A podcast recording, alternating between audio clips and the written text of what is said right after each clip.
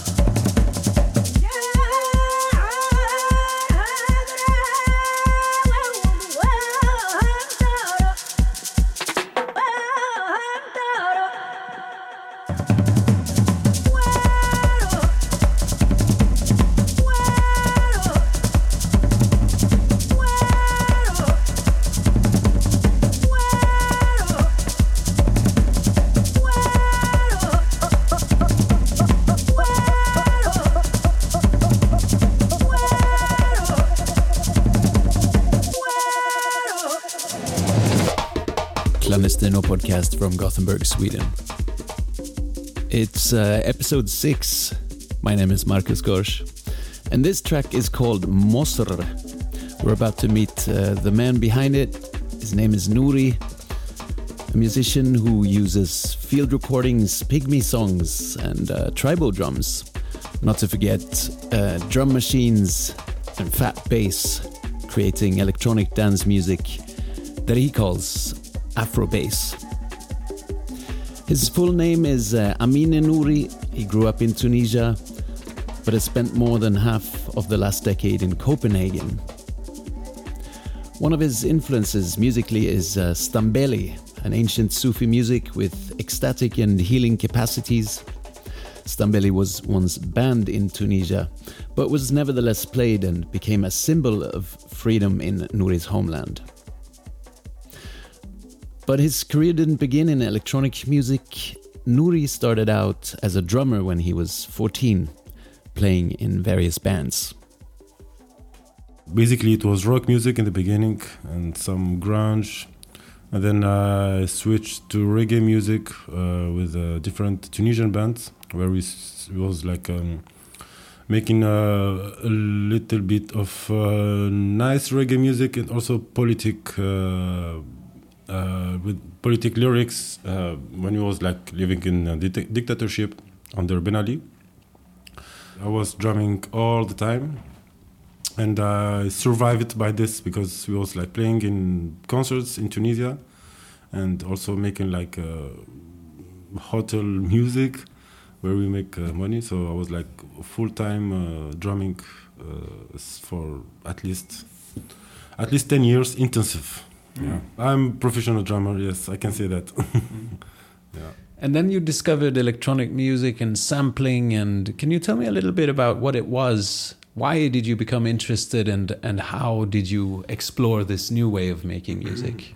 Actually, um, when I was in university, I uh, I learned uh, some. Uh, you know, I was uh, learning a sound uh, technique technique in cinema and then by that time he was using programs uh, to uh, make uh, film music.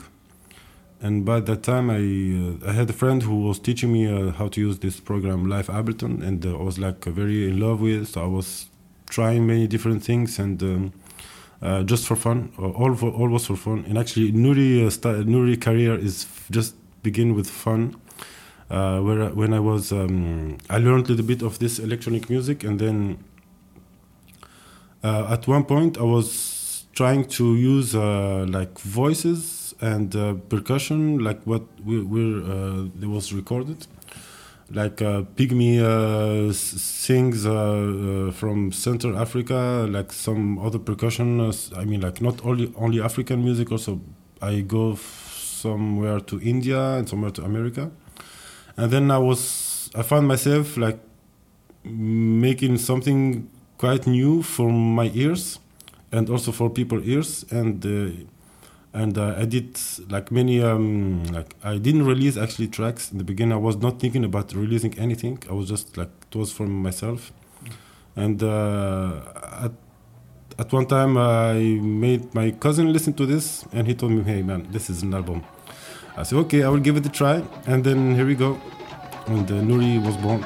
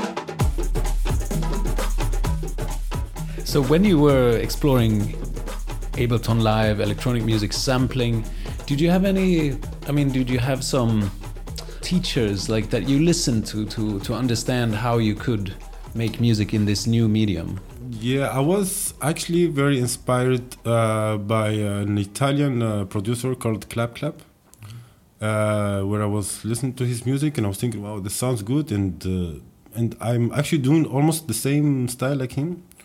Um, I just uh, when I compose music, um, I just go with feelings and uh, ears, and uh, like for example, I'm not very mel- melodical, but I know when it sounds good. Uh, and rhythmically i it's my job like it's my that's my laboratory where I like combine rhythms uh, different um, mood and different uh, like how to say tempo or not tempo but uh, patterns yes I think I read that you call your style Afro bass. yeah uh, it's funny because uh, many many people like or um, in venues when i play on bars they put kind of funny lab- label on my music sometimes they call it uh, afro electro sometimes they call it Afro futurist. um, um, the for me uh, the music uh, what i'm doing it's um, two things. It's percussion voice uh, rhythmic and stuff and it's sub bass. So um, that's uh, that's why I'm like half of my music is the bass, like this vibration, very like low, uh, under 50 uh, hertz, and um, and it's funny also because when I make people listen to my music on the computer, they don't really get it.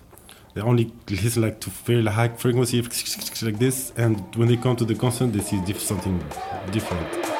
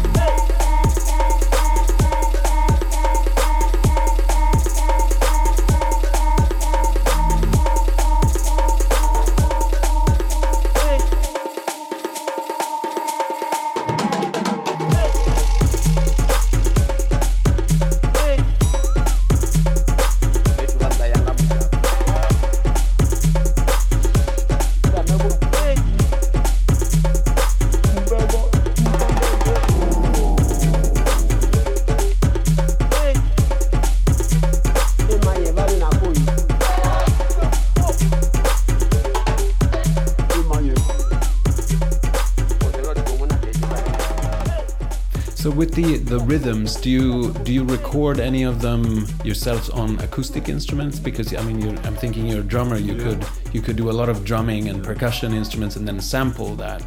Uh, no, I didn't. I don't. I steal music, like not steal actually. I mean like between. The I dig into uh, old traditional African music, uh, what recorded from uh, 60s, uh, 70s. Especially, I was digging a lot in the UNESCO collection of uh, like uh, Central African music, uh, and some of it also North African and. And then when I released the album, we have, all, of course, to uh, ask um, the permission to.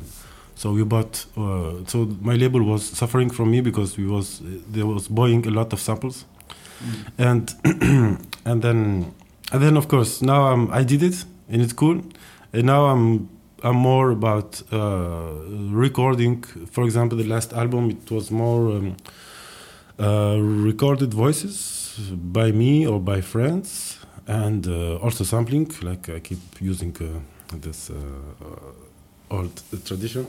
So I'm curious, like when you find uh, sounds in sound archives, you know, field recordings, do you mostly focus on this would be a great sound, this would work musically, or do you also think about? I feel like there's a risk that it would become sort of just exotic sounds.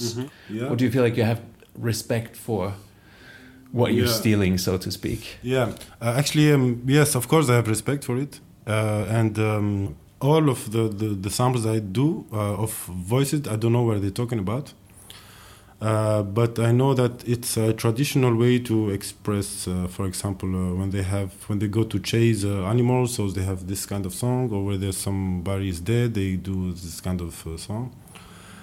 That's okay but then it's mm, again it's more about feeling when something hit hit me like when i hear something say oh this could be nice with this kind of beat i like to bring this um, kind of um, dirty sound into the clubs or into the festival or to to people or to to whatever. So that's that's my mission actually i think to bring this and also to create an emotional um, atmosphere where uh, it's of course it's danceable. It's uh, you can get drunk dancing on my music but there's something also behind it deeper where it's like it's a trip. I i would like i like to bring people into a, a spiritual trip kind of and that's what i see actually when i when i play concert i see people like a little bit lifted up in the air and you see like uh, kind of orgasmic uh, ears they have and, and I feel- I feel i feel like there's something going on Would you say that it's like a almost like a trance music? It puts people in a higher state, you know? You, you I mean like I don't think trance music in the in um in a way of uh, dance because it's not repetitive also the music I do. Like I like I like um, I get very bored when something it gets uh, uh, re- repetitive. It's, it's actually it's opposite of trance because you it's constant music people uh, are listening to it and they are conscious of it. They are not uh, run uh, out of uh, their mind or something. They are there but they are with me in the trip. So i like i like um, when it's mm, not that dark um, intimate uh, deep and also emotional. It comes deep from my heart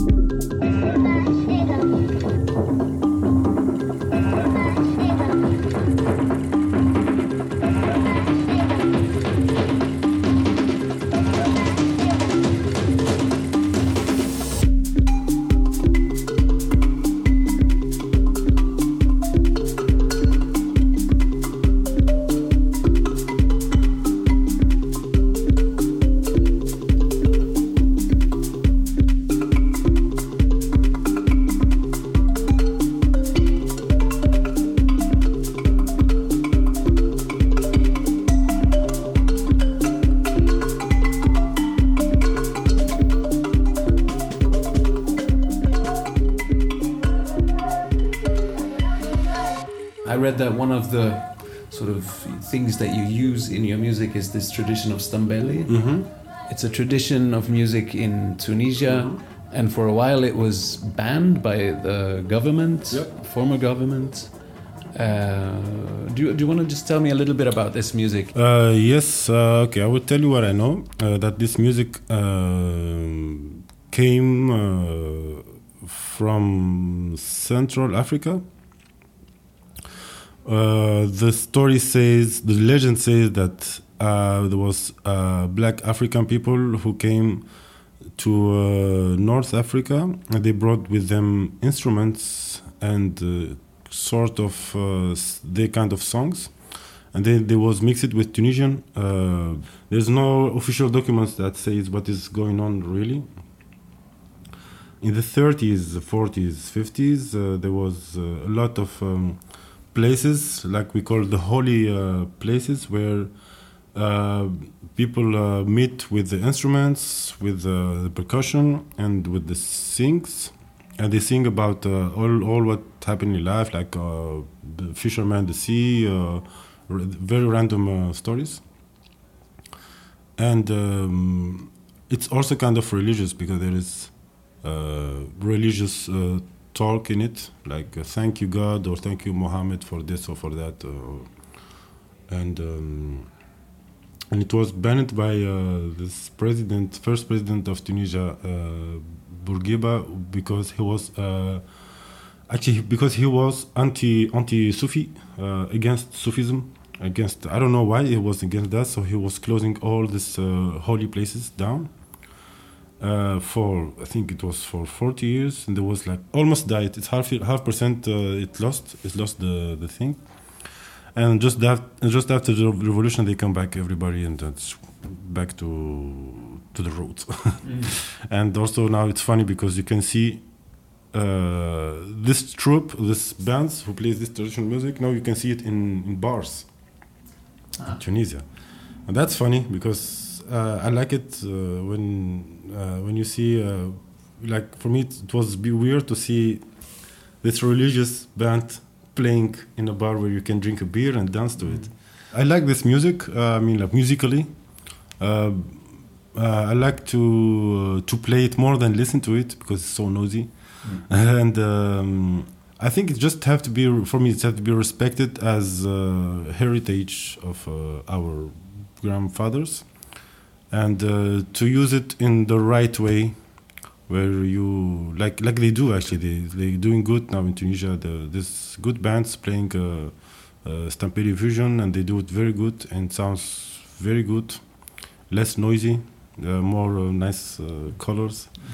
Um, yeah, I think. Uh, And are you using samples of old Stambeli recordings in your music? yes, uh, actually, once um, my label uh, they went to record uh, a troupe in Tunisia of Stambeli, so I took I took some samples and I made uh, music with it. Can, can you tell me an example of a song if I want to uh, put uh, one in the radio show? Yes, uh, like for example, uh, Bouderbel.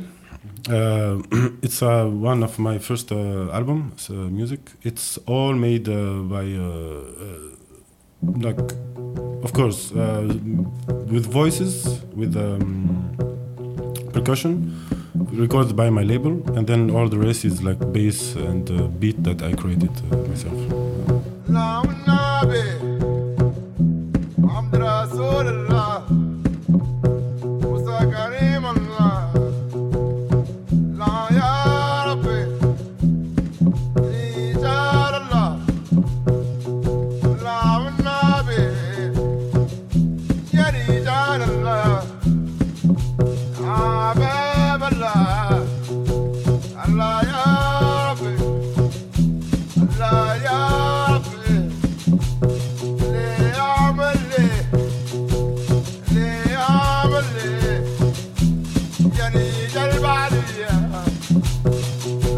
I'm gonna go.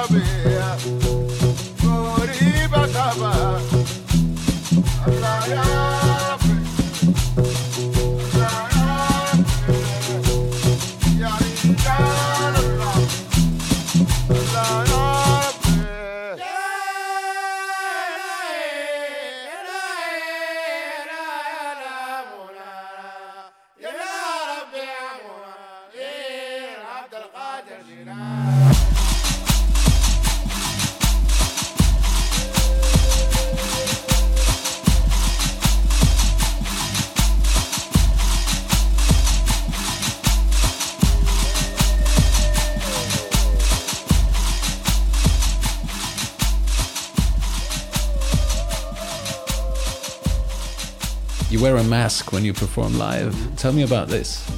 Okay, it was not my idea in the beginning because when I did the first, uh, I mean, like, I wanted to make a clip for my uh, for drop uh, album. Uh, I was with a friend on Bornholm in uh, I, I, Danish island, and he just told me, "Hey, you can wear a mask and just go through the field, and I'm gonna film you." And it was like doing this for almost a year. Like we go out and we film like spring, winter, uh, fall, and summer. And then I liked the idea. And then when I was thinking to play my first gig, I was thinking, oh shit, I'm gonna be very uh, shy uh, because I don't know how to be uh, myself front of an audience looking at me uh, weird or don't know. Like I, I would look at them without they know that look at me, and then I would do everything that what I want behind the mask, like all those like faces, and I can cry, I can scream, I can laugh, I can do whatever I want. So it's it's very uh, comfortable. Um, I like I like also in, in when I do concerts, uh, I when I finish, I go back on stage with them on backstage with the mask. Then I change all my clothes and I come back with the audience. And there I, I hear like very honest comments on the show, and it's so nice. And I'm not lying; they always always say good stuff, and I'm happy for this. Do you ever hear them say, "Where is he"? Yeah, um, actually, uh, I hear they say that, and uh, I hear I see people who was looking at me like they ask the technician or the bar or something, who is that? Can you show me? Can you show me? And then they they find me, and then okay, I'm I'm happy to to have that. What's the most meaningful comment that anybody gave you on your music? Uh, okay, this was a very good one. Two months ago in Tunisia, a girl ca- came to me and she said she had orgasm twice during the concert. That's the goal of the music. Maybe it can be, yeah, but that was the best compliment I ever heard. I say, oh, wow, thank you for telling me this. Actually, I don't know. Do you want to add anything? What's What's the next thing for for Nuri? Mm, next thing, uh, I'm happy to be back on stage again, and uh, that's mm, all what about my business. It's not only m- making music, but it's to share the music uh, with people. And uh, I look forward also to make uh, a new album soon or later.